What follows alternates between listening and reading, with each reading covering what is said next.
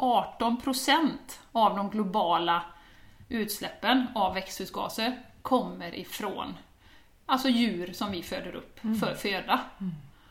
Och det är alltså mer än hela transportsektorn. Välkommen till Game Changers! Vi vill inspirera, motivera och stötta dig att leva din fulla potential. Hur kan vi tillsammans skapa ett liv som är hållbart för kroppen, själen och planeten? Vi bjuder på egna reflektioner och samtal med inspirerande personer varvat med konkreta övningar. Vi djupdyker i allt från hållbarhet och entreprenörskap till spiritualitet och hälsa.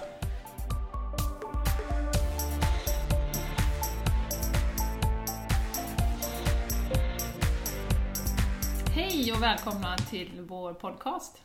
Och eh, jag heter Jenny. Och jag heter Jessica. Och idag så tänkte vi eh, ha en liten diskussion kring eh, en hållbarhetsfråga som ligger oss varmt om hjärtat. För det är ju så att den här podcasten, syftet med hela den här podcasten är ju att vi ser att vi behöver ett skifte i den här världen. Från en på många sätt ohållbar värld till en mer hållbar framtid. För oss själva, för planeten eh, och i förlängningen allt levande egentligen på jorden. Och eh, det finns ju många hållbarhetsfrågor eh, som, som eh, man kan eh, fokusera på och man kan göra mycket för klimatet. Eh, och det som vi upplever med just den här frågan som vi kommer att prata om idag, det är ju kosten och hur mycket det faktiskt påverkar. Och vi vill eh, gräva lite djupare i den, för vi upplever också att det är en väldigt känslig fråga hos, eh, hos ja, men allmänheten. Och eh, om man tittar på till exempel ja, men solpaneler, eller om man ska byta bil, eller man köper second hand, inte vet jag, kläder för att, för att inte påverka så mycket, så, så är inte det så känsligt. Och inte hur, Jessica? Nej, och inte Nej. provocerande. Det är ju ingen som sa någonting när vi köpte våran elbil till exempel. Nej, om det. Det, det, det. Men det här med kosten och vad vi faktiskt lägger på tallriken, det upplever vi i alla fall ur vårt perspektiv, eh, att det är en, en fråga som det är inte många som vågar beröra den. Eh, vi hör inte så mycket om den. Eh, generellt, jag tänker på den politiska debatten. Mm, absolut. Det pratas jättemycket om energibesparingar och vi ska åka kollektivt och, och, vi ska inte flyga så mycket och så vidare. Det är verkligen elefanten i rummet mm. som finns där men ingen vågar bära den. Och dessutom så upplever jag ju också att den kan vara väldigt provocerande. Mm, ja. Mina kostval kan vara väldigt provocerande för en del människor och det är jätteintressant. Ja. För återigen, det var inte någon som blev provocerad när vi bytte bil. Nej, det är ju också ett, en eh, miljöfråga. Mm. Ja, absolut. Absolut. Eh, så vi tänkte vi ska djupdyka lite i det idag helt enkelt. Och, och, lite hur vi har kommit till att äta helt växtbaserat, båda två. Mm. Eh, och liksom vad, vad finns det för fakta kring det? Vad kan man göra själv?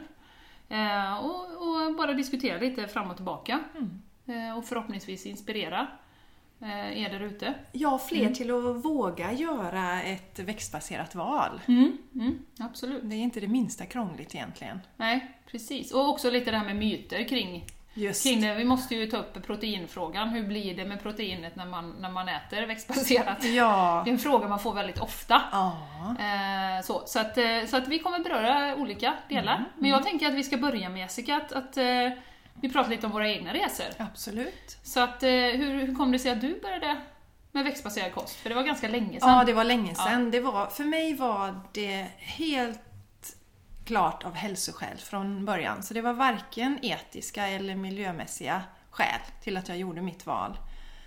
Jag, eh, det var eh, våren 2011 så drabbades jag av eh, en väldigt allvarlig lunginflammation. Och jag blev inlagd på sjukhus. Och de testade fyra olika antibiotika rätt in i blodet bland annat. Innan mm. det var någonting som, som faktiskt hjälpte. Och jag har i hela mitt liv haft en ganska dålig relation till mat. Mm. För sen jag var liten så har jag fått ont i magen när jag har ätit. Så äta för mig har varit ett nödvändigt ont, ganska tråkigt. Mm. Eh, Men eh, jag kände då där 2011 att det är faktiskt hög tid att eh, se över min livsstil, framför, alltså, alltså generellt. Och då insåg jag ju också att det ligger väldigt mycket i det vi äter. Mm. Och jag forskade på egen hand, letade. Och om man är ute efter hälsa Mm. så pekar egentligen de flesta kosterna mot en växtbaserad kost. Mm. Det kan vara raw food eller lagad veganskt, men det är växtbaserat. Är man däremot ute efter viktfokus, då kan man landa i LCHF och sådana koster. Men jag kände att det fanns en gemensam nämnare för de som faktiskt genuint var intresserade av att stärka människors hälsa. Mm. Och till slut hittade jag en kost som eh, jag från början tyckte lät helt idiotisk och det var var en fruktbaserad kost. Mm. Men det var också den som, eh, som hjälpte mig. Och eh, jag kan säga, det är ju då 2011 som jag la om kosten och en målsättning för mig var ju då att bli bra i min mage. Yes. Det är jag idag. Mm. Och att stärka immunförsvaret. Och på den här tiden så har jag varit sjuk i influensa en gång. Mm. Det tycker jag tyder på ganska bra immunförsvar. Mm.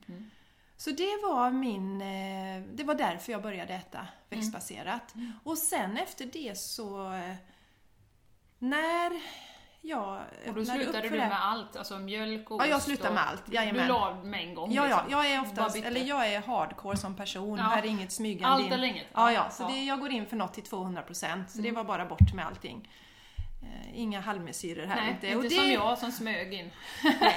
Så det är olika hur man är som person. Ja. Mm. Det rådet jag brukar ge till de flesta människor det är ju att en månad klarar, de, klarar man. Så testa en månad och kör all in, tycker Ja, jag då. ja. Kör all in en För månad. att se effekten menar Ja, du? för då ser du effekten Mm. och sen kan du göra en utvärdering och då vet man också det att ja men en månad, okej sen kan jag äta precis vad jag vill Ja. och ha den eh, Mm. så att, eh, nej men som sagt jag gick all in, körde helt på det. Mm. Och jag åt ju då det man kallar raw food eh, i eh, två år. Och sen började jag plocka in lagad eh, ve- vegansk mat i det då. Mm. Mm. Så fortfarande så äter jag eh, nästan alltid en fruktsmoothie på morgonen och, och, och så till lunch. Mm.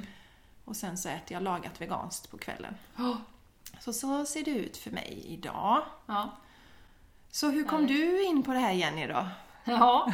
Eh, ja, och jag kom ju från en annan vinkling då, för att jag eh, blev ju vegetarian för en fyra fem år sedan. Och det var ju en helt annan vinkling. Egentligen hade jag ingen tanke på hälsa överhuvudtaget. så, för jag var ganska hälsosam och jag har haft ganska starkt immunförsvar och haft förmånen att liksom vara frisk mycket och sådär. Eh, Så, så jag och har aldrig haft ont i kroppen så. Men, men, så jag hade, men jag har ju jobbat med hållbarhetsfrågor väldigt länge och hjälpt företag. Eh, Och någonstans när man forskar i det här då, så, så ser man ju att oj, oj vilken påverkan eh, liksom, den här djurproduktionen har på klimatet. Alla utsläpp associerat till det. En fråga bara, Mm. när du mötte det, kände du något inre motstånd i dig själv då? Eller var det mer en aha-upplevelse? Jämfört med förståelsen kring andra saker som påverkar miljön, hur kändes det? Ja, i dig? du menar att det var... Nej, men jag, jag, jag, nej egentligen inget motstånd. Det blev ju en, en för mig en etisk clash. Jag kan inte gå här och berätta för företag och hur man ska skapa håll, en hållbar strategi. Och sen i mitt eget liv så kände jag att jag ville göra allt jag kunde för att liksom, ja men själv bidra då såklart. Eh, Man kan ju inte vara liksom anti-rökdoktor och sen går man hem och tar ett bloss. Nej. Så, så det var liksom, det blev så naturligt. Ja. Eh, och då, då, nej men så det var inget motstånd, det enda motståndet var ju, ja men nu måste vi tänka bort kött liksom i recepten. Just. Men, men alltså idag med att googla fram, eh, kan man googla så kan du hitta recept. Och har du väl en gång köpt liksom de grejerna som du behöver, och du gjort en stor handling, ja men då kan du liksom gå över. Man kanske inte hade kokosolja då som man använde, eller eh, någon annan olja eller nötter och, och frön och sånt. Alltså, men det, gör man det en gång och vet var man hittade, Ja. så kommer man ju över den tröskeln. Ja. Eh, Så då, då gick vi, och, och som tur var, jag har en man som är ganska öppen och han sa ja vi kör på det liksom, och så han hängde ju på där då. Eh, och även barnen då. Så att, så att vi har ju kört det i en 4-5 år. Eh, och sen eh, blev det ju ett skifte för, och det är egentligen också, för mig var det också etiskt från början, jag ska, vill gärna lägga till det att vi har ju höns hemma, som du vet. Och eh, de är ju så oerhört personliga och trevliga och, och man ser verkligen skillnad på dem som vilken hund eller katt som helst. Och för mig blev det så här, ja, men jag kan gå och hämta en, en paket i, i kyldisken, köttdisken, men jag, kan in, jag skulle aldrig kunna tänka mig att ha ihjäl Ellen här ute som, Nej. som jag matar varje dag liksom, med små liksom, frön och sådär. Så att det blev för mig, men varför är det så? Det är ju ingen skillnad på den hönan och den, den kycklingen som vi äter i paketet liksom. Plus att du har ju inte så stor kontroll hur den har haft livet och, och om den har levt bra eller dåligt eller så. Så att för mig blev det också en etisk, att jag älskar djur. Och för mig är det ingen skillnad med en, med en höna och en hund. Eh, och jag ser att de har ju liksom personligheter och, och eh, sina liv som de gör sina grejer liksom. Så jag, det blev för, för, jag fick mig ett liksom lite ha där. Ehm, så, så det var också en del. Och det kom ungefär samtidigt då, som jag såg det här med hållbarhetsaspekten då. Och ehm, sen då så, så för ungefär eh, ett halvår sedan, lite mer nu, så, så eh, skippade vi det sista då, mjölk och ost och det här då. Och det var ju när vi träffades igen då. Och jag tänkte, men varför, varför håller vi på med det? Vi behöver ju inte mjölk och vi behöver inte liksom. Och nu finns det ju så många alternativ också med havre och, och soja och mandel och allting.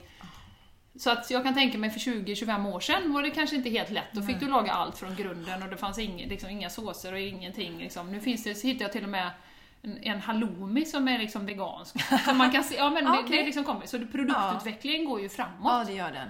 Eh, så, att, så att då tog vi det steget Mm. eh, här och det, ja, det känns ju jättebra. Mm. Också ur klimat, för man glömmer att mjölkprodukterna påverkar också väldigt mycket. Ja, det gör de. Eh, så att, ehm, ja nej, för mig var det hållbarhets slash det etiska från början då, Mm, mm. som gjorde att, att jag kom in på det. Och det som är fascinerande, om jag bara ska nämna några fakta då, som jag upplever att, att människor inte känner till, det är ju att, att 18% av de globala utsläppen av växthusgaser kommer ifrån alltså djur som vi föder upp för föda.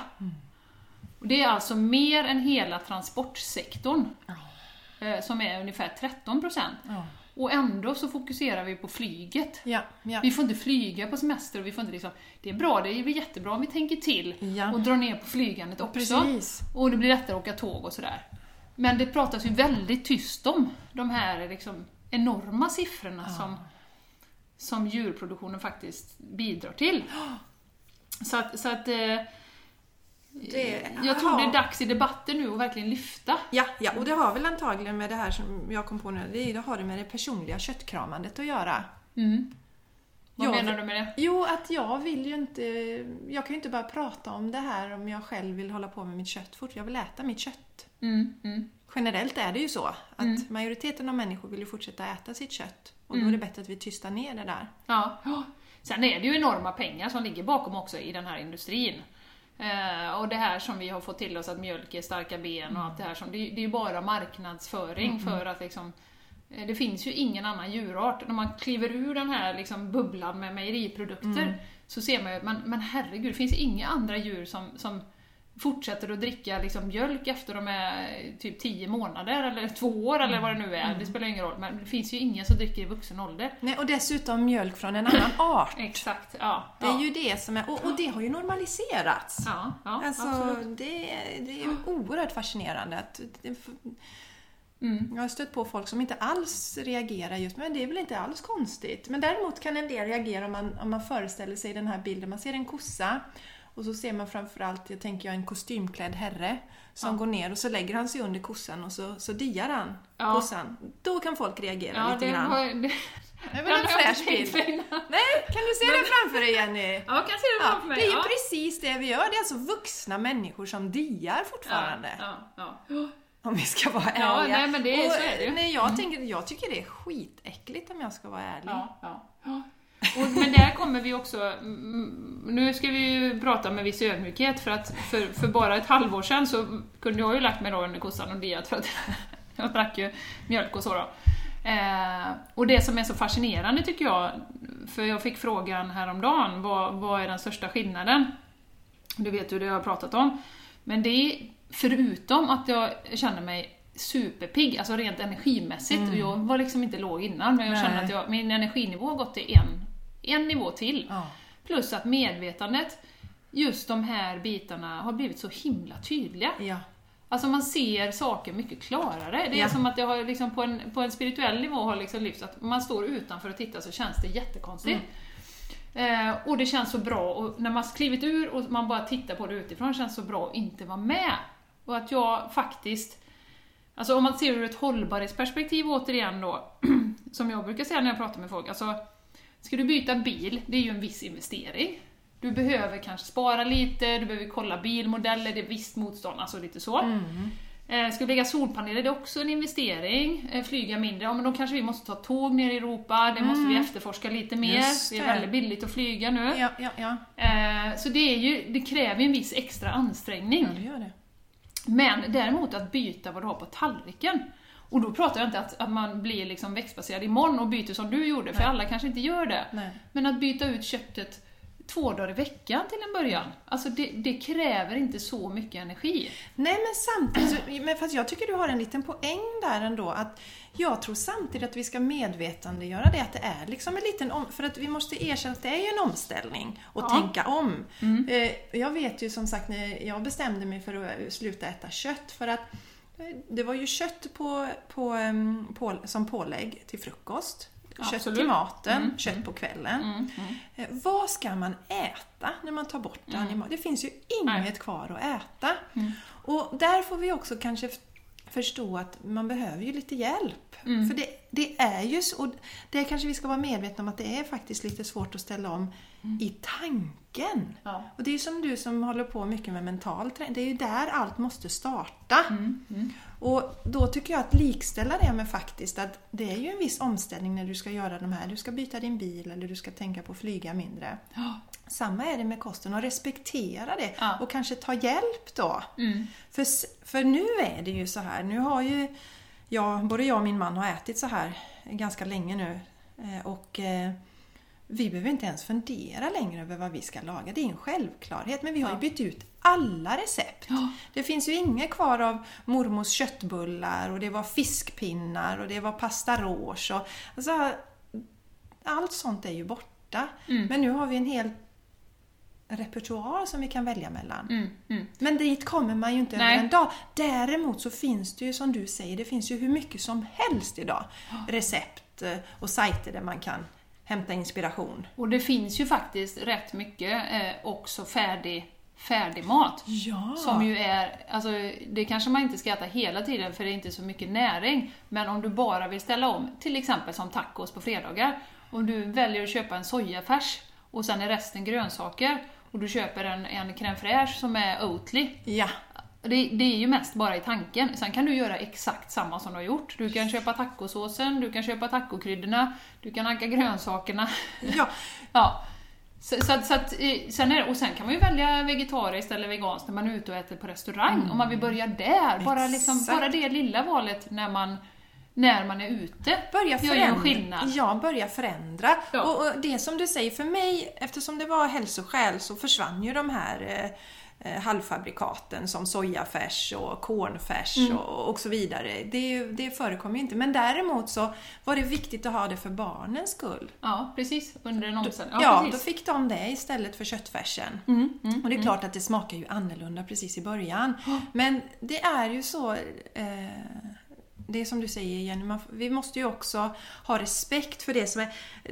Det, det, kan, det lyser ju säkert igenom. Det är ju så här när man själv har öppnat upp för det här och ser hur lätt det är och man är medveten om, tillåter sig att bli medveten om hur mycket det här påverkar vår miljö och våran hälsa.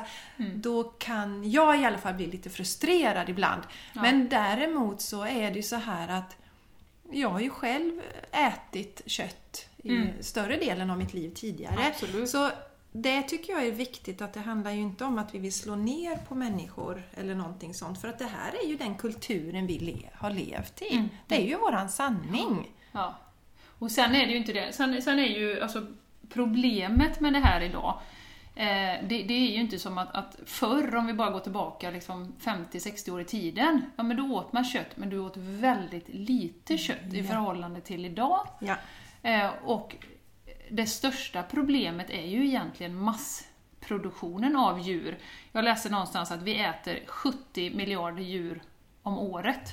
Och då tänker vi liksom, ja men kycklingar och, och kossor och grisar och så. Alltså det är en enorm påverkan på jorden. Och, och jag menar, vi, vi, förra sekelskiftet, alltså 1800-1900, då var vi ungefär en, en och en halv miljard. Nu är vi uppe i 7,6. Så att det är klart att tillfredsställa det ökande köttbehovet, det är ju en helt annan industri idag. Eh, och det är också det som gör att liksom, det påverkar jorden så enormt. Exakt, det blir en sån enorm Ja. påverkan. Det håller inte att vi alla ska fortsätta kom, ehm, vad- ehm, ehm, Äta djur. konsumera skulle jag säga, Ja. så stora mängder kött. Nej, nej. Och det läser jag också att, att eh, det har ju sådana, förutom att det är då växthusgasutsläpp, så är det ju också andra konsekvenser med, med djur, djurproduktionen då. Och det är ju bland annat att, om vi tittar på, på kött, nötkött då, så, så har vi eh, Amazonas, 91% av det som tas ner där eh, är alltså för att skapa betesmarker. Eh, Så det är ju oerhörda konsekvenser på den biologiska mångfalden. Eh, också på vatten.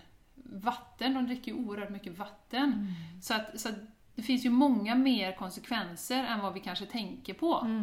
Och en tredjedel av jordens yta idag, alltså som inte är glaciärer och is, är alltså betesmarker. Så att det är klart att Det är det är väldigt ineffektivt och tar väldigt mycket energi för att producera ett kilo kött Ja. jämfört med Liksom, och vi ger ungefär 50% av all, all säd som vi, som vi producerar idag ger vi till djur som sen ska då eh, skapa ett kilo kött. Ja, Och massa vatten in, föroreningar och så vidare som skapas som biprodukter då. ja, Plus växthusgasutsläpp då. ja, ja. Så, så det är ett väldigt ineffektivt när vi är så många människor Ja. på jorden att, att producera mat. Och när vi inte behöver äta kött heller. Det är ju det som är den stora liksom, eh, frågan i det här. Vi, behöver, vi, kan, vi överlever. Du har ätit eh, veganskt i, i sju år mer eller mindre. Och, ja jag lever ja, fortfarande. du lever fortfarande. Du har inte trillat av pinn liksom. Nej, och det är ju en poäng också det du har, för att om man inte hade haft den etiska delen och att det var verkligen så att vi behövde äta animaliskt protein för att överleva, då hade vi fått hitta ett hållbarare sätt att göra Men vi behöver inte det. Eh, Vi blir ju dessutom sjukare Mm. eh, om vi äter så här, så att det finns ju inga fördelar. Vad menar du med Vänta. sjukare? Ja, cancer, alltså animaliskt protein ökar ju risken för flera olika cancersorter till exempel och hjärt-kärlsjukdomar. Mm, Så att eh, varför ska vi Mm. fortsätta att göra det här? Ja. Nej, det, det Vi måste åtminstone få bli, vi måste ha korten på bordet, vi måste bli medvetna. Ungefär som med, eh, om vi tittar på eh, cigaretter idag. Mm, Det finns ju inte en människa idag som inte vet att det är farligt. Och det kommer ändå vara människor som fortsätter att röka. Ja, det är ju så. Absolut. Ja, ja, Men-. Ja. Gemene man tror jag faktiskt inte är medvetna om hur farligt det kan vara att konsumera Nej. kött. Nej. Men det måste man få veta så att man själv kan göra ett medvetet val. Och där kan man ju faktiskt gå in på Världshälsoorganisationen, Mm. eh, WHO, som faktiskt har gått ut och klassificerat processat kött. Mm. Det vill säga korv, bacon och, och de här bitarna, eh, hamburgare och sånt. Som har, de har klassificerat det i samma grupp som, alltså om vi pratar cancerframkallande, i Ja. samma grupp som tobak. Ja. Och vi fortsätter att ge våra barn Ja, korv med bröd. Framförallt att vi ger det till barnen. Ja, till barnen, Ska ja. man Ja. börja bjuda dem på cigg då? Ja, en cigg och en korv. Ja, så är de nöjda på sitt födelsedagskalas. Och, och det är där som jag tycker är intressant då. eh, Att jag kan, eh, jag vet inte om du har råkat ut för det än Jenny, men jag har råkat ut för det vid några tillfällen att, att det är människor då som äter kött som säger till mig att Ja, jag respekterar ditt val Mm, så länge du respekterar mitt val att fortsätta äta kött. Ja, ja. Det kan man fundera på lite, varför säger en människa så? Därför att jag har ju aldrig rökt. Nej. Och jag, hittills har jag aldrig stött på en rökare som säger samma sak till mig. Jag Nej. respekterar ditt val att inte röka, bara du respekterar att jag fortfarande röker. Mm. Då tror jag inte man har, eller då kan man inte ha landat i att det har en, med en hälsoaspekt att göra. Nej. Men jag tror inte det är allmänt känt, för om jag, även när jag var vegetarian, så, så kan jag liksom... Och det här från WHO, det kom ju 2014, så det är ganska nytt. Och om vi återigen tänker, alltså pengar, om du är en korvproducent, det är inte så att du slår på stora trumman och säger att Hallå, titta här, nu är det faktiskt lite farligt. eh, sen kan man ju ifrågasätta att de inte kanske börjar ställa om då. Okej, vad finns det för alternativ? Om nu detta är bevisat farligt, det lär ju komma ut till allmänheten förr eller senare. Ja, ja, ja. Eh, Vad finns det för alternativ som vi kan jobba med? Mm. Och då kommer ju det här spännande in med clean meat, eh, Just som, som eh, jag läser en bok om nu då, som heter Clean Protein. Just det. Eh, som ju är ett labbodlat kött helt enkelt. Mm. Som smakar precis samma. Eh, men eh, du får ju ingen liksom, antibiotika som ges till djuren som ju finns rester i, eh, i köttet ofta. Eh, risken för sjukdomar, allt sånt som du kan få med, till exempel i kyckling. Det finns ju liksom inte utan det är ju helt rent. Mm. Det är därför rent, de kallar ja. det för det. Och kan man få, det är ju i, i utvecklingsstadiet, det finns ju flera företag som jobbar med det nu, framförallt i USA, för att Just se det. att det här finns ju en jättepotential. Just. För att folk kanske vill äta kött, men du slipper gå via att föda upp ett djur och ta liksom x antal av jordens resurser på vägen. Just. Utan du kan göra ett kilo kött och Mm. så får du samma smak, men du slipper alla riskerna och liksom ingen påverkan Mm. på miljön i princip då. Så att, så att de pratar ju om som jättestora bryggerier, Mm. eller labbmiljöer eller vad man ska säga då, där man, där man går och, och kan liksom göra kyckling och burgare och allting. Mm. Ja, det är så, nu är, jag är ju aldrig på McDonalds eh, Nej. och Max och de här. Men vad jag har förstått så har väl både McDonalds har ju veganburgare och Max har det också. Jajamän. Och det tycker jag är superbra. Max är ju en föregångare, de har ju åtta, åtta olika Ja, det är fantastiskt. eh, växtbaserade Fantastiskt. alternativ. Liksom. Ja, så att de, de, men, och då deras ägare, Max Mm. ägare, de vill ju verkligen lyfta fram Max om man ska äta någon snabbmat. För att de har ju sagt, nu kommer jag inte ihåg vilken tidsperiod, men om 20 år så har vi inte kött.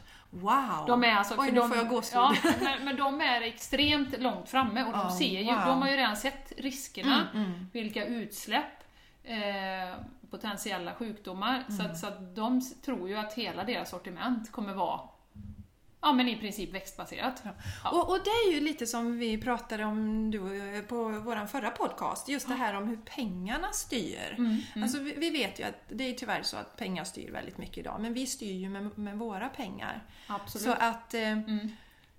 om vi går till eh, restauranger av olika slag och, och efterfrågar vegansk mat, visar att vi vill ha det. Ja. Eh, inte så att jag kommer till en restaurang och säger att nej, de har inget veganskt så blir jag förbannad och så går jag därifrån. Nej, nej. Det är inte så vi ändrar. Så kan vi inte göra, utan Mm. vi måste prata och berätta. Och eh, om jag går ut och äter, ska ut och äta med något sällskap så brukar jag ringa till restaurangen innan och de flesta är ju oerhört positiva. att Jag tycker det är jättespännande. Mm, mm. Ja, men okej, då rör vi ihop något nytt och annorlunda. Oh, Så att eh, det finns... Eh, jag upplever inte det som något motstånd alls. nej, nej. Eh, Absolut inte. Nej. Och har du gjort det, bara gjort det en gång? För det verkade jag också i början. Och nej, jag har glömt att säga Mm. att jag eh, liksom inte äter kött och inte äter mjölk och så. Men har man gjort det en gång att du har ringt till restaurangen så kommer Ja. det automatiskt där. Så det är ju inte så krångligt att ställa Nej, om det. nej, nej, nej. Men jag tänker lite på de här sanningarna som, vi, som man möter då när man har valt att, att liksom äta växtbaserat Jessica. Och du har ju gjort det mycket längre än vad jag har. Ja, just det. Men, men eh, en fråga som vi måste beröra, Ja. det är ju det här med proteinet. Ja, det är ju faktiskt den vanligaste frågan. Som, Ja. Hur gör du med proteinet? Mm. Det är ju Hur gör du med jätteintressant. proteinet då? Ja, ja, det är som jag brukar skoja och säga att jag äter mitt hår. Eller naglarna. Ja, ja. Nej, men ehm, det är ju så här att det finns ju inga kända fall av proteinbrist någonstans. Så länge man äter tillräckligt med mat. Det är ju först när vi har svält som vi kan få proteinbrist, som vi kan få alla andra brister också. Mm, mm. Och ehm, vi får ju protein, det finns ju protein i allting i princip som vi äter. Mm. Och tidigare så trodde man ju att vi var tvungna att äta fullvärdigt protein Mm, vid varje mat. Och det finns ju i animaliska produkter. Ja. Men kroppen är ju så oerhört intelligent så den plockar ihop de olika delarna. Så äter vi bara en varierad kost. Ja. Och där är ju viktigt för att eh, jag tror att säkert de flesta har hört talas om någon vegan som har fått näringsbrist eller fått sluta äta. Ja. Eh, framför allt så, så tycker jag att om man kommer, kanske som ung människa, eh, och kommer in i det här av etiska skäl, Mm. och kanske bara plocka bort köttet men du lägger inte till någonting annat Nej. i form av linser och bönor och Mm. ökar inte upp. Man måste ju också äta en större mängd mat Just det. Mm. för att få i sig fler men det är också kalorier. man hör. Att, att jag blir så hungrig. Den, Just den kan man det. göra också. Ja, och den är, den är också en viktig Den är del. relevant. Den är jätterelevant att Ja. prata om. Därför att det finns ju, det är ju bara att skriva in i, i telefonen eller datorn och, och se hur mycket kalorier får du av en köttbit och hur mycket får du av en morot exempelvis. Då. Ja, ja. Och där kan jag ju se fortfarande, eller eh, om jag är ute och äter på restaurang till exempel och så är det ett sällskap och så serveras de kött och så ska jag då ha någon vega, vegansk variant och då kanske jag får en liten svamp. Ja. Eh, och om du jämför kalorimängden i svamp och vad du har i en köttbit. Mm, mm. Eh, så att eh, det är inte sällan man kan gå hungrig därifrån men då, är jag ju, då försöker jag ju informera dem om det. För att jag ser också en förändring av att att eh, den veganska maten blir ju mycket godare och mer varierad. Ja. Men just det här att vi måste äta större volymer. Större volym ja. Och handen på hjärtat, det är väl ganska många människor som blir glada om man får höra att man får äta mer. Ja. Det här, är, det här är ju en kost som du inte behöver begr- begränsa dig så mycket. Nej, precis. Eh, Så det, det är ju en... eh, Att man blir inte mätt och så att man inte får i sig protein. Och det finns ju, dels som vi säger att det finns ju protein i allting som vi äter. Men också så finns det ju, det finns ju hur mycket olika linser som helst. Mm. Det finns kikärt, alltså bönor. Mm. Och där får man ju också experimentera och prova lite. Mm. Det är inte säkert att man tycker om allting men sen ändras ju smakerna också. Ja. Och bakteriefloran ändras i, i... För det finns ju studier som visar att eh, bakterierna som vi har i kroppen styr det vi äter mer än vad vi egentligen är medvetna om. Just det. Så att ett jättebra exempel om man känner att man generellt vill äta mer hälsosamt det är ju att lägga till. Jag tänker att jag lägger till istället för att jag tar bort. Ja. Och då är ju till exempel den gröna smoothiesen suverän. Ja. Alltså hur många människor tycker det är roligt egentligen att mumsa i sig grönkål? Rå grönkål. Nej, inte, Kanske så, inte är inte så, så roligt. Nej. Men om du då till exempel lägger i några bananer, du lägger i lite grönkål, kanske några päron för att öka sötman och sen sätter du i lite vatten. Lite blåbär. Och blåbär och sen. Mm. mixar du det här. Eh, Och du kan tänka bort det här traditionella, om jag gör en smoothie då ska det vara mjölk i eller något annat. Det Det behövs vatten, inte, ja. eller yoghurt, utan vatten. Mm. Och då kan du också styra, ju mer vatten du tar, eller ju mindre vatten du tar, desto krämigare blir konsistensen. Mm. Och det som händer då om du börjar införa den här, det är att din kropp kommer efterfråga hälsosammare mat sen. Precis. kommer efterfråga Man behöver inte stryka köttet eh, alla dagar i veckan utan Nej. du börjar med det. Ditt, ditt eh, tips från, från coachen. Ja, precis. Börja med att lägga till eh, Mm. en smoothie om dagen Ja. och se vad det händer i dig Ja. och din energinivå. ja. Hur, hur hittar man då, vad, om man då lägger till en smoothie, vad, vad kan man göra mer då för att hitta bra recept och eh, hitta liksom, Ja, det, alltså, om man seri seriöst vill komma över, för det som jag också upplever hos många människor, det är ju i vardagen. Mm. Och eh, vi ska ju göra det lätt för oss också, men jag kan tänka mig att det är många som man kanske har hämtat små barn på dagis eller liknande, man kommer hem man är Mm. jättetrött. Mm. Fixar middag, då tar man fram lite frysta köttbullar och sätter på lite pasta. Mm. Hemma hos oss... Lite processat kött Ja, andra ord. Hemma Ja. hos oss eh, gör vi ju så egentligen nu att vi, vi lagar all mat nästan från grunden. Ja. Och det är lite intressant för att både min man och jag var väldigt ointresserade av att laga mat när vi träffades. Ja. Vi hade partners som var fantastiskt duktiga på att laga mat och sådär och vi var Det är en helt dålig match, just Ja. matmässigt. Ja, men sen har vi ju fått lära oss Ja. och eh, vi har kommit att älska att laga mat. Men sen kan ju vi ha någon dag Framförallt var det så i början, när vi, vi måste också ha någon sån här snabbrätt i Ja, köket. va? Och det som jag då tipsar om att det finns ju det finns ju kikärtor Mm. och det finns linser i såna här tetrapacks, Ja. eh, ekologiskt om man vill Ja. köra det. Ja. Se till att ha några såna hemma i skafferiet. Och sen så finns det på, eh, man kan köpa såna här färdiga tomatsåser, ekologiska också. Ja. Och när du kommer hem där då på måndagen och är skittrött och haft en tuff dag på jobbet och ungarna bråkar med dig. Ja, ja. Då tar du bara och plockar fram kikärtorna, häller av dem. Ja. Eh, kanske tar en lök, steker den. Ja. Eh, lägger i kikärtorna, kryddar med lite goda kryddor, häller i tomatsåsen. Ja. Och under tiden har du satt på riset. Och då har du en vegansk snabbrätt färdig. Superenkelt! Och eh, sen då tycker jag att man istället eh, kanske på helgerna provar på lite mer spännande nya saker. Eh, om man känner för det. Och eh, jag hade en, eh, en vän till mig som bestämde sig att hon skulle införa ett, hon skulle testa ett nytt recept en gång i veckan. Alltså hitta där Mm, mm. det som är realistiskt Ja. för dig som person. Var, var kan du börja? Var står du Ja. just nu? Ja. För annars så finns det ju risk att man inte... Eller att man då tycker att man misslyckas och det funkar inte och så lägger man ner och känner att det fungerar inte. Nej. Vi, det är ju inte, vi kan ju inte vara perfekta, vi kommer aldrig bli perfekta på någonting. Mm. Men göra det bästa vi kan utifrån vår situation just nu. Ja. Och sen är det ju faktiskt många, många recept, om det är mjölk och grädde, som du kan byta ut rakt av Ja, med, med havreprodukter. ja. Det finns ju både liksom crème fraîche och grädde och, Ja, och allting det är bara idag. att byta av.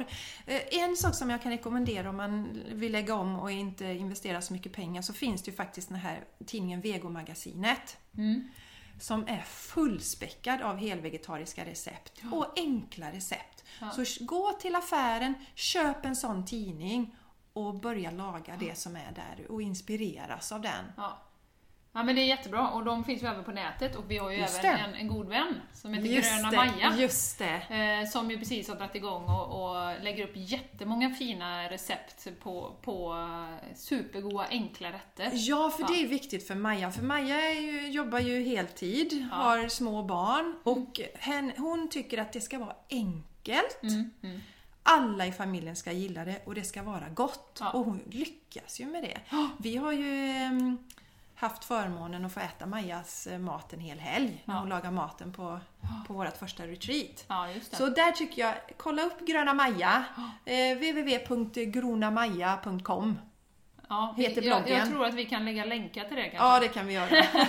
Alla bra lättare. sidor som, Ja, som eh, och även tycker jag det finns en, en jättefin sida, det finns Läkare för framtiden. Eh, som vi också kan länka till, där, där det är upplagt olika studier hur faktiskt kosten påverkar. Mm. Eh, och hur det kan förebygga och eh, faktiskt, eh, alltså, inte bota, men minska eh, olika sjukdomar. Ja. Eh, och de har ett, vad ska man säga, ett holistiskt perspektiv på, på hälsa. Och att kosten faktiskt är en jätteviktig del. Ah. Och det tycker jag är en grej i vårt samhälle också, om vi ska komma till det. Jag inkluderar mig själv i detta. Mm. Att innan, alltså, nej men bara bli mätt. Det spelar ingen roll vad jag trycker. Exakt. Och det är väl samma för dig antar jag? Ja, ja, det var ju så. Pasta rouge, det är ju pasta med ketchup. Ja. Det var ju, alltså, jag och min nuvarande man träffades, de veckorna jag inte hade barnen då, ja. Så, ni öppnade han. Ja, men nej, inte han. Han, han. han tycker om det, men han öppnade mitt kylskåp Ja. och då stod det ett paket mjölk. Mm. Det var, jag tror jag hade sån här eh, gammaldags mjölk då, Ja. för jag hade ju läst på i alla fall att ju mer processad mjölken är, desto mer ökar inflammationen i kroppen. Ja, just det. Ja. Så att där, det, det, där hade jag på något sätt sådär. Men och sen så hade jag ju osten. Och sen hade jag sån här vitt bröd, såna här polarkakor, eller såna, eller såna, vad heter de här platta som man rullar ihop? Ja, det vet jag inte. Nej, Ja. nej, men, ja, men det åt jag och sen gärna lite honung. Så när han öppnade kylskåpet så, så tänkte han så här: okej hon har nog bara inte hunnit att handla. Nej. Och nästa gång när han öppnar kylskåpet så står det Hon har hunnit handla nu heller. Så jag håller med för mig, mat, jag gjorde inte alls den kopplingen. Nej. Och, Nej. eh, att det är ju faktiskt byggstenar för, en, för eh, hälsa, Ja. det vi äter. Och min man brukar säga en sån bra sak, tycker jag, att eh, fin- du kan, vi kan ju drabbas av aggressiv cancer som går väldigt fort. Mm. Men den första cancer, när du, om du får ett symptom och går till läkaren, då är det ju inte så att du fick cancer då. Nej. Utan det här började för att som jag har förstått det så bildas det ju cancerceller i kroppen i varje, eh, varje dag. Mm, mm. Och har du då bra immunförsvar så Ja. kan kroppen ta hand om Ja, detta. just det. Mm. Men om ditt mu- immunförsvar tas ner där eh, kosten är oerhört viktig, men vi har ju också stress, vi Ja, har ju ja, sömn, klart. vi har hela den hållbarheten för människan då. Mm.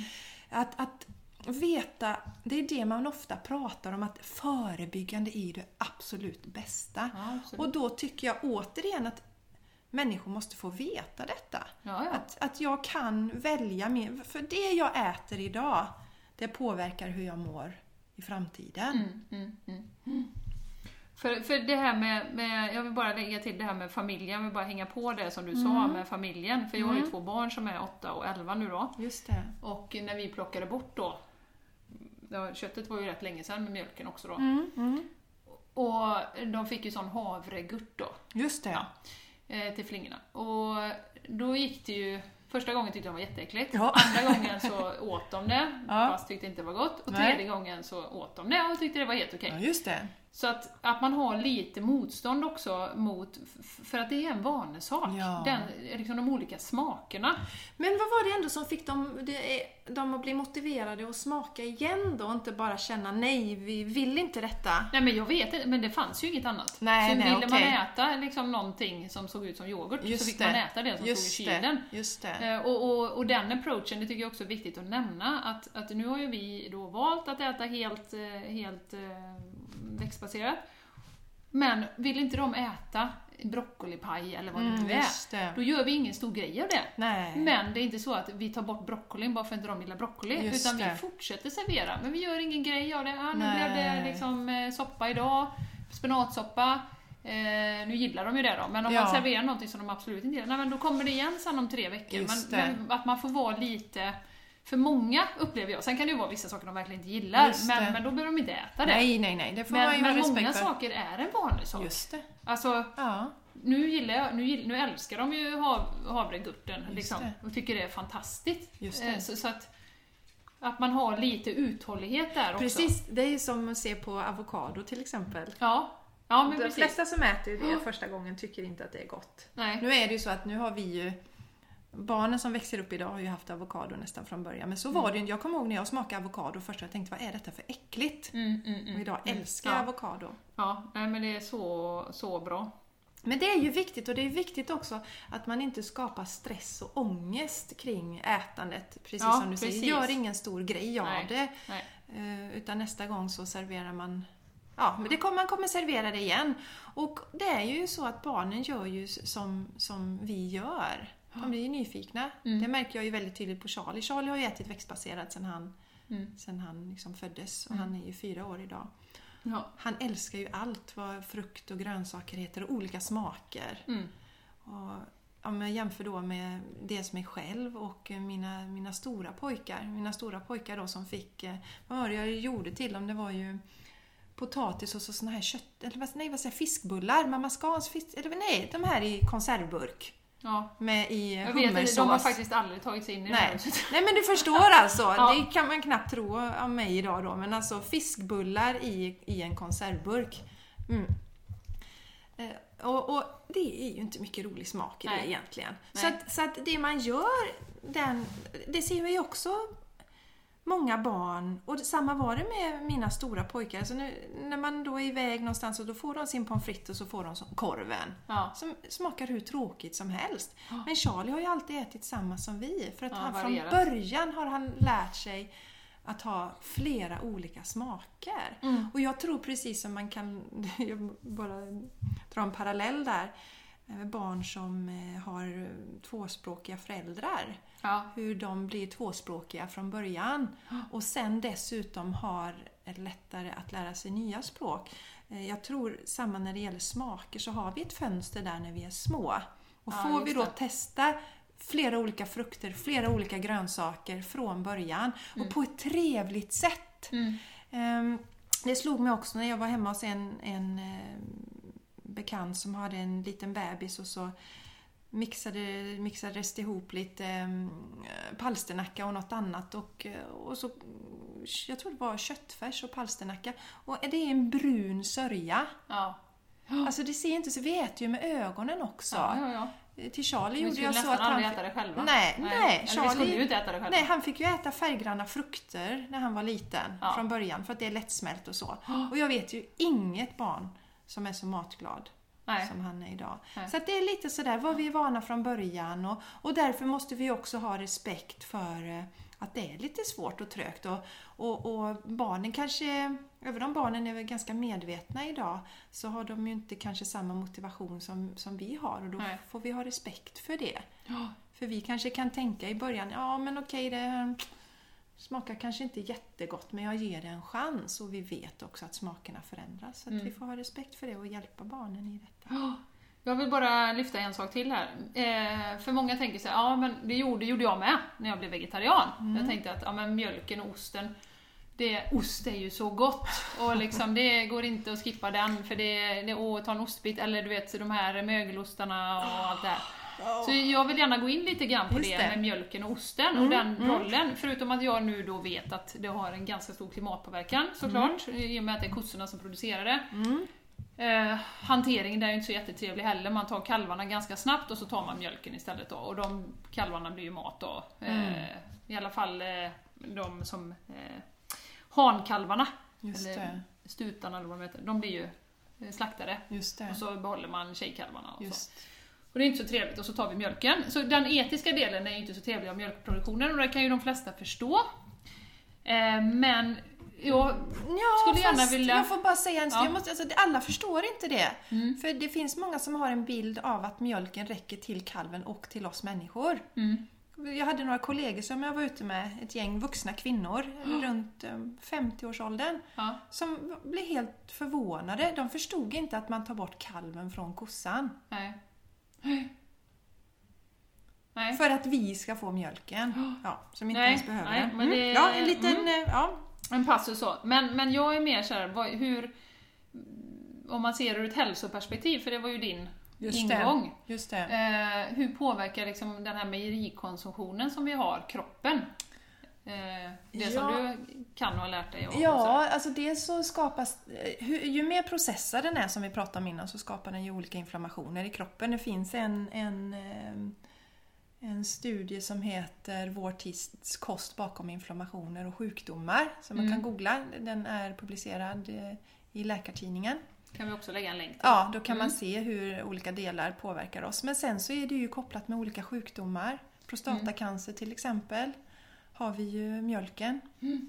Bröstcancer. Bröstcancer. Ökar risken, läste jag i någon studie. Jajamän, precis. jajamän. På grund av att det finns lite hormon i mjölken. Ja. Ja, Och det finns ju också ett hormon som i, i, eh, i mjölken som får eh, celler att växa. Mm. Och cancerceller också att växa. Mm, mm, mm. Så att det vill vi ju undvika. Och om man tänker på hur det ser ut idag så är det ju, jag menar, det är också återigen, hur var det för 50 år sedan? Mm. Om du hade lite, lite mjölk kanske någonstans, det som du gick ut och mjölkade.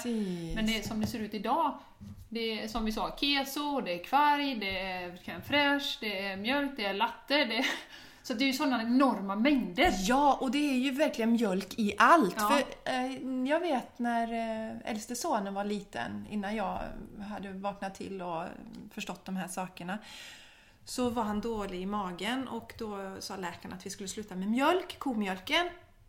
Och så fick jag ju läsa på förpackningarna, det var ju leverpastej och det är ju maräng. Och det är ju mjölk, man slänger i mjölk i allt. Ja. Mm. I allt. Det för över, det är sånt överskott. Ja. Ja. Mm, mm, mm. Så, så, och, och som du säger, att det är den här överdrivna konsumtionen och bli medveten om den. Ja, precis. Ja. Ehm, nej, men jättebra. Eh, sen tänker jag också så här, nu har vi pratat väldigt mycket kött. Mm. Jag tänker när vi också pratar det här med eh, djurproduktion Mm. och kanske nämna någonting, för vi äter ju inte fisk heller. Nej. Vissa som är vegetarianer väljer ju att äta fisk och Just, sådär, men just. det har ju vi båda valt bort. Ja. Så jag vill bara näm- benämna, Mm. eller beröra rättare sagt, den, den eh, hur, hur man ställer sig till fisk. Just det. Ja, och vilka hälso... Just det, utifrån ju- äh, efter- Det är ju intressant lite att du och jag kommer från olika perspektiv i det här. För, Mm. för mig var ju hälsa. Och då i alla fall så var det ju så att man nu vet jag att jag tror att det finns studier som visar motsatsen. Men då hittade man inte direkt negativa hälsoaspekter av att äta fisk. Men däremot rekommenderar man det inte för att det innehåller så mycket gifter. Nej, just det. Så att det, det Så själva fisken i sig är ingen fara så? Så var det då, Ja. men idag tror jag att det finns studier som faktiskt visar Ja. att det inte är bra heller. Men Ja. jag har inte fördjupat mig så i det eftersom Det, det är, inte aktu- det är inte aktuellt för Nej, mig nej. att äta då på grund av gifterna som finns i Ja. fisken. Och- Men du har ju en annan... ehm, Ja, jag har ju en hållbarhetsaspekt på den med. Eh, Och har ju fördjupat mig lite i det. För, för att det är ju också en sån här när man diskuterar med folk och jag äter inte kött på grund av liksom miljöpåverkan och sådär. Ja, men fisk då, kommer ju frågan sen. Det, det måste väl ändå vara okej. Även om man vet någonstans att eh, det blir utfiskat på sina håll här och var, Just, i, just. lite runt om i världen. Eh, och, och där är ju, eh, enligt en studie som jag har sett, så fortsätter vi att konsumera fisk i den takten vi gör nu, eh, år 2018, så kommer vi inte ha några fisk i haven 2048. Det är inte många år bort. Nej, det det. Eh, så, så att, eh, och då vet vi ju inte vad det får för konsekvenser. Nej. Om vi inte har några fiskar i haven, jag menar det kan vi inte ens föreställa oss. nej, nej. Och problemet med fisket idag, eh, det är ju som jag läst någon studie, de säger att det finns ju inget hållbart fiske. nej. Det är kanske eventuellt om du står med metspö och, och liksom drar upp en och en, möjligtvis. Men eh, så som man fiskar idag, med de här stora trålarna, Mm, och det är ju ingen som berättar det heller, nej. men de, de här som kämpar för, för liksom ett levande hav och att Mm. liksom, det ska finnas olika arter kvar. Eh, de har ju visat på att, att du får en, ett kilo fångst av vad du nu ska ha, om det är tonfisk eller någonting sånt. Ja. Och slänger, alltså du får med fem kilo extra Mm. Av annan fångst då. Det kan ju vara delfiner och det kan ju vara hajar och det kan ju vara alla möjliga arter, Mm. sköldpaddor och allt möjligt som följer med. Mm. Fiskar upp dem, de dör då när de blir uppfiskade Mm. medan du sorterar ut eh, den, den fångsten du ska ha. Eh, och sen slängs tillbaka i havet. Så att det är ju så att säga fem gånger så mycket bycatch som det heter på engelska då. Mm.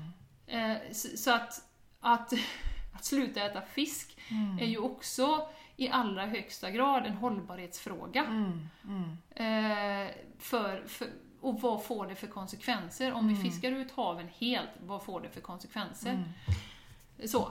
Ja, Det vet, vi kan nog inte ens föreställa oss Nej. det som sagt. Jag tror inte det. nej. Men det är ju lite intressant. Jag tänkte bara just det, fisk verkar ju inte heller vara lika känsligt för folk Nej. att, att sluta med. Och, Vad menar Så du det- då? Ja, jag tror inte att folk reagerar lika mycket på att tänka tanken att man inte ska äta fisk. För många är det ju en Det är inte lika högt var- utvecklad nej, eh, jag- djurform menar du eller? eller vad är det Nej, jag menar att när jag var liten så minns jag att alltså fisk var, många som kanske inte gillar fisk jättemycket. Det är också en sån där liten vuxet att äta. Ja. Och det känns inte som man håller lika Folk blir inte aggressiva på samma sätt om man säger att de ska sluta äta fisk till Nej. exempel. Att det känns som ett lättare steg, Ja, tänker ja, jag, ja, ja. egentligen, än att plocka bort just köttet. Då. Så det, jag tycker fortfarande det är intressant att veta varför köttet, men det kan vi inte lösa här, varför det är en sån oerhört känslig fråga Nej, på individnivå. Precis. Nej, men jag, jag vet inte. Men, men fisken, eh, som sagt, jag, och det som jag har läst också är ju att idag med det som vi har då i haven, eh, föroreningar och så vidare, och fiskarna får ju i sig väldigt, väldigt mycket. Mm. Eh, så att förutom då gifter, tungmetaller och Mm. sånt, så innehåller det oerhört mycket mikroplaster. Okej. Som vi har, Ja, ja, ja. som Ja, vi har förstås. då eh, spolat ut i haven, Mm. som de får i sig, som är små, små, små partiklar som de säkert får i sig då med, med alger och allt möjligt som Mm. de äter då. Eh, och det tar ju vi rätt in då när man Mm. äter en, en fisk då. Mm. Eh, så, så att så ur en, av ett hälsoskäl så, så, så är det ju, tror jag, det är riktigt illa Ja. faktiskt att äta fisk. Ja, så, så, Eh, med den. Sen Mm. är det säkert olika grader beroende på vilken fisk man äter. Det. Och där är det ju också så att, eh, att odlad fisk är ju inte på något sätt bättre. Nej. För att de får också massa antibiotika för att Mm. hålla sig friska under Just de det. förhållandena som de lever. Eh, laxarna får ju liksom färgmedel, eller säga, för, för att liksom bli rosa. Mm. För att de blir ju helt gråa när de liksom är i de här förhållandena som de är. Mm. Så att alltså det finns oerhört mycket liksom ställningstaganden där med, Mm. Mm. eh, vad gäller fisken. Just det. Men framförallt ur en hållbarhetssynpunkt. Sen är det ju också för mig då lite samma med fisken som med hönorna. Och det har jag märkt för åratal sedan när vi var ute och seglade. Vi skulle fiska makrill. Mm, mm. Jag kan sitta där med metspöet, men får jag upp en fisk så blir jag livrädd och vill bara kasta tillbaka Ja. den stackars fisken. Den det- ligger där på däcket Ja, och ja, liksom chippar efter luft. Nej, jag så så där igen. blir jag också så här. Jaha, jag kan inte ha ihjäl den själv. Nej, skulle nej. jag aldrig kunna tänka mig. Men Nej. visst, kommer den stekt så kan jag äta den. Liksom. Precis. Fyrkantig. Ja, men så. eller fyrkantig i ett Mm. paket. Ja. Så att, så att ja, men det jag vill uppmana till är ju bara att liksom tänk till. Liksom hur, vilken framtid vi och jag menar, vi har ju barn båda två. Vilken framtid ska de ha? Mm. 2048, vad är de då? Ja, men då är de 30-40 år. Mm. Det kanske inte finns några fiskar i haven. Vad händer då? Precis. Alltså någonstans måste vi axla vårt ansvar Ja. och liksom, vad kan jag göra? Mm. Och det är lite som jag sa i början, ja, men visst det är inte jättelätt att byta ut vad man har på tallriken, men du kan byta ut när du är på restaurang, du kan börja med det, Mm. du kan göra någon soppa i veckan, du kan liksom, man kan börja med små steg. Mm. Eh, och ta det ansvaret. Och, och det, det är ju det jag känner också, att när man verkligen gör någonting Mm. som är konkret, det är ju då man känner att wow, ja, men nu är jag faktiskt med och bidrar här också. Ja! Och det tror jag gör jättemycket för oss som människor. ja! Det gör att jag, jag seglar inte bara med eh, liksom, och, och bara, ja men nu serveras det kött. Jag var ju Ja. smygvegetarian hur länge som helst. Ja, ja, ja. ja. Hur menar du då? För, nej, men att nej, jag, nej. jag berättar inte för någon att jag Nej. åt vegetariskt nej, helst. nej. Och gick jag bort så ville jag inte krångla. nej, just det. Just Nej, och, och då fick jag kött liksom, så ja, ja visst då äter jag.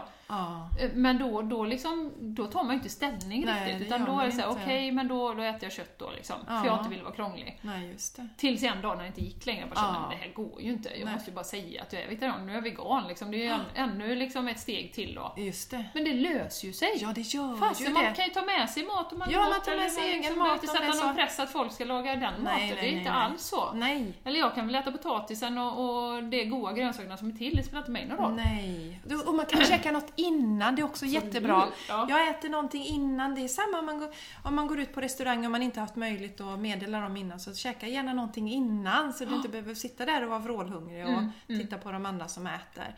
Gör det som blir så smidigt som möjligt för, för dig själv och även omgivningen då. Ja, ja.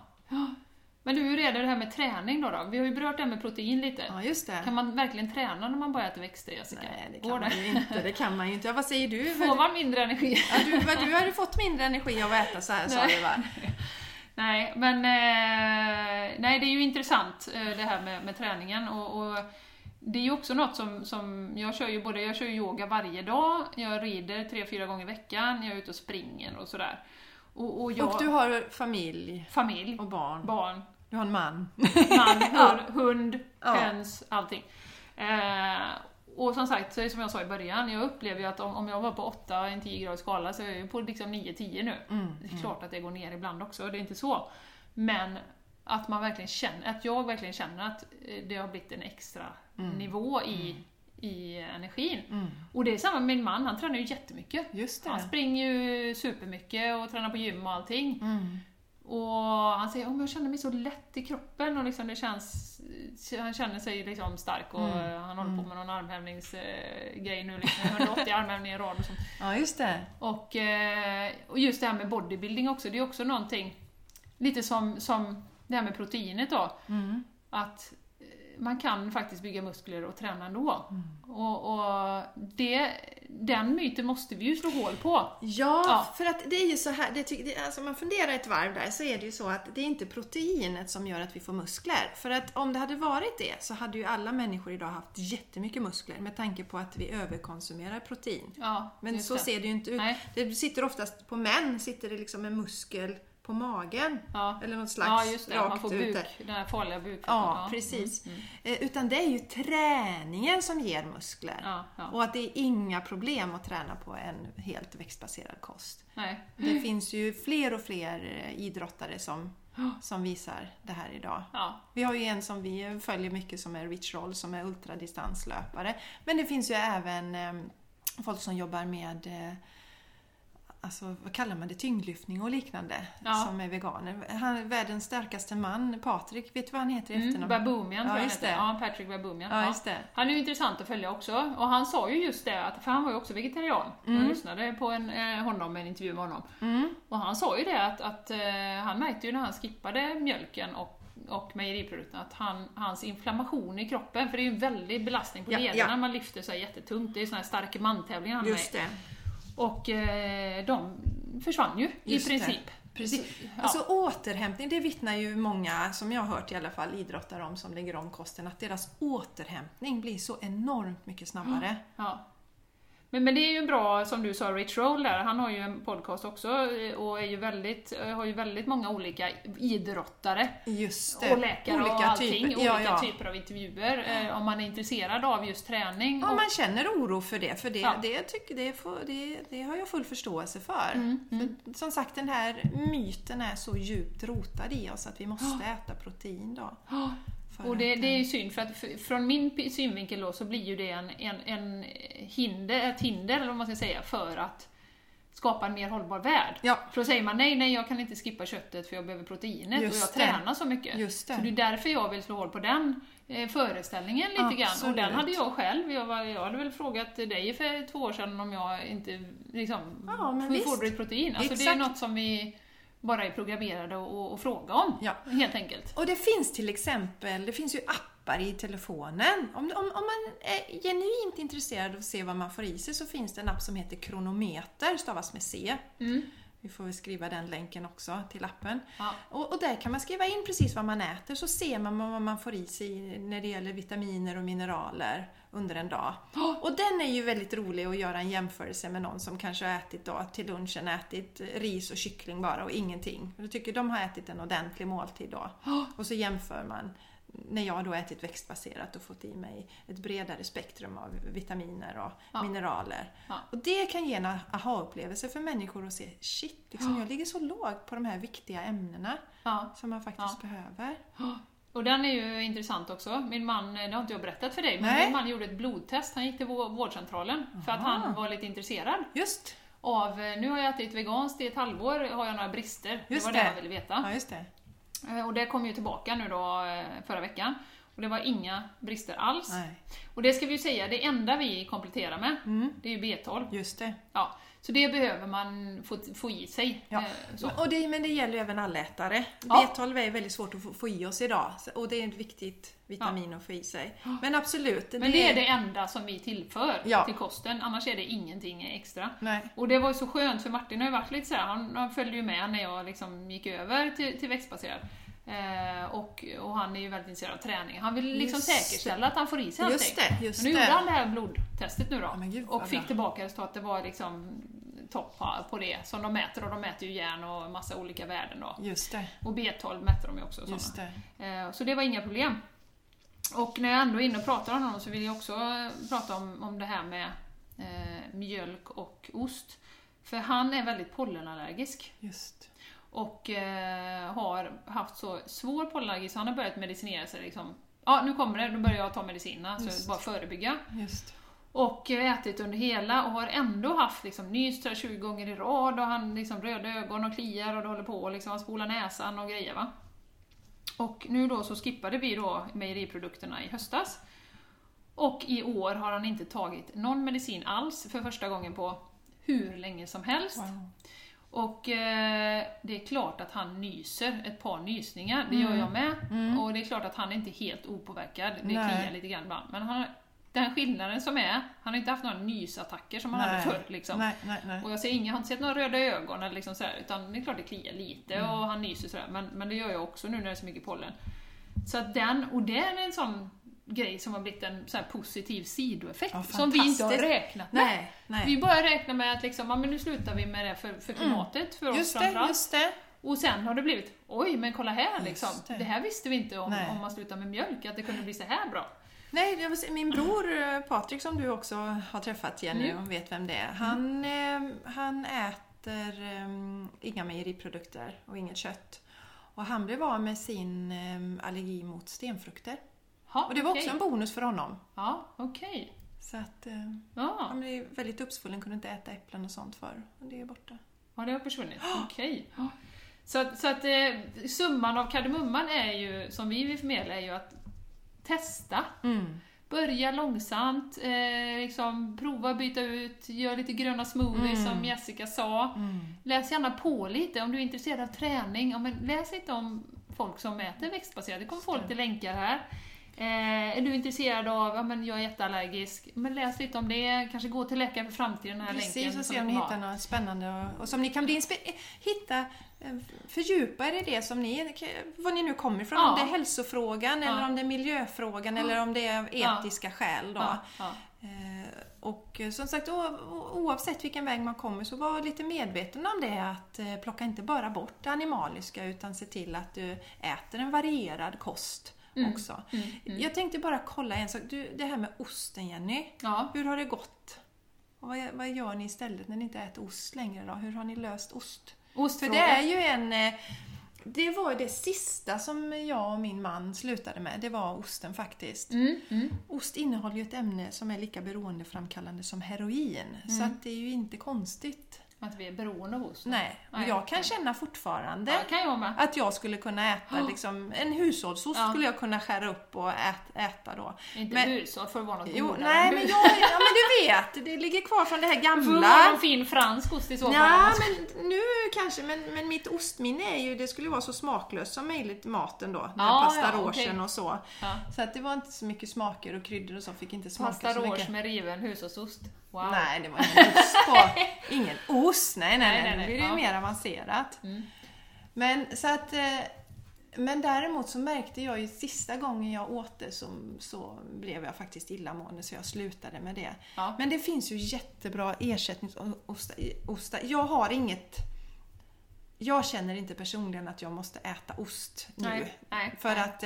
Men det har ju Men gått det så lång finns tid. Mm. ju, ja, men det finns ju Violife Ja, till exempel. finns som- sådana skivbara ostar. Ja, Mm. och de, de, det finns sådana som är ja, precis Ja, skivbara. Skivbara, De är. Mm. de är jättegoda och Ja. goda om man vill ha på pizzan Ja. till exempel. Eller till, riva till sin taco på fredagskvällen. Och Oatly har ju även eh, sånt eh, som är som Philadelphia. Alltså Just sånt det, mjukostar, Mjukostar ifall man är intresserad av det. Och sen kan man ju göra egna nötostar, Ja. finns ju nu kan man göra. eh, Jätteenkelt. recept på att göra. Så att det, det, det finns, experimentera och testa runt. Och prova de här olika. Som Mm. sagt, Violife är väl de, den godaste av dem som vi har provat i alla Ja. fall. Det finns ju någon apan och Astrid. Ja, just det. Astrid och aporna. Ja. Jag gillar Charlie. Ja. Astrid och aporna. Ja, så, så att det är ju också så här. Vill man verkligen ha en ostskiva på mackan så ta det. Annars så brukar jag ju köra liksom groddar och ja. allt möjligt nu. Som det jag, finns ju mycket Gräslök mycket nu när det är säsong för det. Bara gå in och hämta och klippa upp lite gräslök på mackan. Liksom. Precis. Det är jättegott. Ja. Men man måste bara komma på tanken. Det är ju det Ja, som byta är... ut. Ja. Om jag tar bort den här prickigkorven Mm. och osten, Ja, vad ska jag ha då? vad gör jag då? Men som sagt, nu är det ju enkelt. Det finns veganska alternativ. Ja, väldigt mycket. Väldigt många. Och det Ja. kommer bara komma fler och fler. Mm. Eh, det, det är jag helt säker på. För det, det, är en sån, det är fler och fler som börjar titta lite grann på, på hur det påverkar och hur, hur det påverkar både hälsa och Mm. miljö och sådär. Så jag tror att det, det, kommer, det är på gång. Ja, Mm. Och det finns jättemycket redan nu. ja det gör det. Ja, vad Bra. härligt. Vad härligt. Ja, men då har vi som sagt börjat lite smått sådär. Lägg till. Tänk inte att man tar bort utan lägg till och botanisera lite. Och läs på i det som du är intresserad av. Ja. Som sagt, är man intresserad av miljöfrågan så är ju den här eh, eh, Cowspiracy, vi kan länka till den också, där finns jättemycket fakta. Och allting är kopplat till forskningsrapporter. Eh, så liksom det här med 70 miljarder djur, det är ju inget som liksom är påhittat, utan det är så många vi äter varje år. Mm. Och, och med Amazonas, så det finns bakgrund, om man är intresserad av de här Mm, mm. eh, frågorna, så, så finns det jättebra fakta. Så ehm, Det är bara att köra liksom. Bara att köra. Det är inget, att, inget att vänta på. Nej. Bara det, och det är ju fantastiskt, det säger vi ju ofta. När vi har våran mat framför oss, jag med man, så känner vi herregud. Ja. Så god mat vi äter och så vackert Ja. det är. Det är en fröjd varenda måltid. Ja, men jag tror det är en psykologisk effekt också. När man ser så här sju olika färger på tallriken ja. Och du bara känner hur vitaminerna hoppar från tallriken in i munnen. Ja men det är ju det. Ja. Ändå, som vi kunde ha då, en brun köttbit, brunt, eh, brun sås till och så ett, ett par stackars potatisar. Och hade vi tur så hade någon broccolibit let- letat sig in, om vi orkade koka det till. Kanske några sådana här tråkiga frysta grönsaker. Ja men frysta, ja. Men, Lite men liksom, trist sådär. Nej, så, så att också, jag tror också att man, man rent psykologiskt, man mår mycket bättre när man bara ser maten. Det är mycket roligare Ja, helt enkelt. ja. Det är mycket, mycket roligare att äta växtbaserat. Mm, det tycker jag var en bra mening att avsluta med Ja. där Jessica. Ja, Ja, vi hoppas verkligen att ni har fått eh, li, lite inspiration, lite kunskap, lite eh, ja, tips och tricks hur man kan börja i alla Ja, fall. precis. Så, Så vi tackar för vi- idag. Ja, så hörs vi nästa gång. Stort lycka till! Ja, lycka Ja. till. Ha det så bra. Hejdå! Hej då! Och för er som känner er inspirerade och vill följa med oss på retreat i höst så kommer vi ha två olika tillfällen. Ja, det första är den 14 september och det är i Borås. Och då har vi temat Skapa det liv du vill ha och det kommer bli yoga och massa god växtbaserad mat. Yes, och 12-14 oktober så har vi en retreat i Ubbhult utanför Göteborg. Där vi kommer meditera, yoga, äta gott, hälsosamt, lite mental träning. Och hur ska man anmäla sig om man vill vara med? Ja, man kan eh, gå till oss på vår Facebook-sida som heter Andromeda Health for you och hitta information om våra event där. Man kan också mejla till info andromedahealth.se och Jessica, var kan man följa dig någonstans på sociala ja, medier? Ja, mig kan man följa på Instagram eh, under Jessica Isigran. Mm. Väldigt enkelt. Och eh, jag finns även på Facebook. Och då får man titta efter 40 and fit on fruit. 40 and fit on fruit. Yes. Yes. Och var hittar man dig Jenny? Mig kan man hitta på Facebook, Räfseryd Balans och Hälsa. Och även på Instagram, det heter Rafseryd. Just det. Ja. Ja, men du har en företagssida också Jenny va? Vad är det för adress till den? Just det, rafseryd.se på Just internet. det, just det. Och jag har också en som heter jessicaisigran.com ifall ni vill komma i kontakt med oss. Ja. ja, ha det så bra. Ha det så bra, hejdå! Hej då!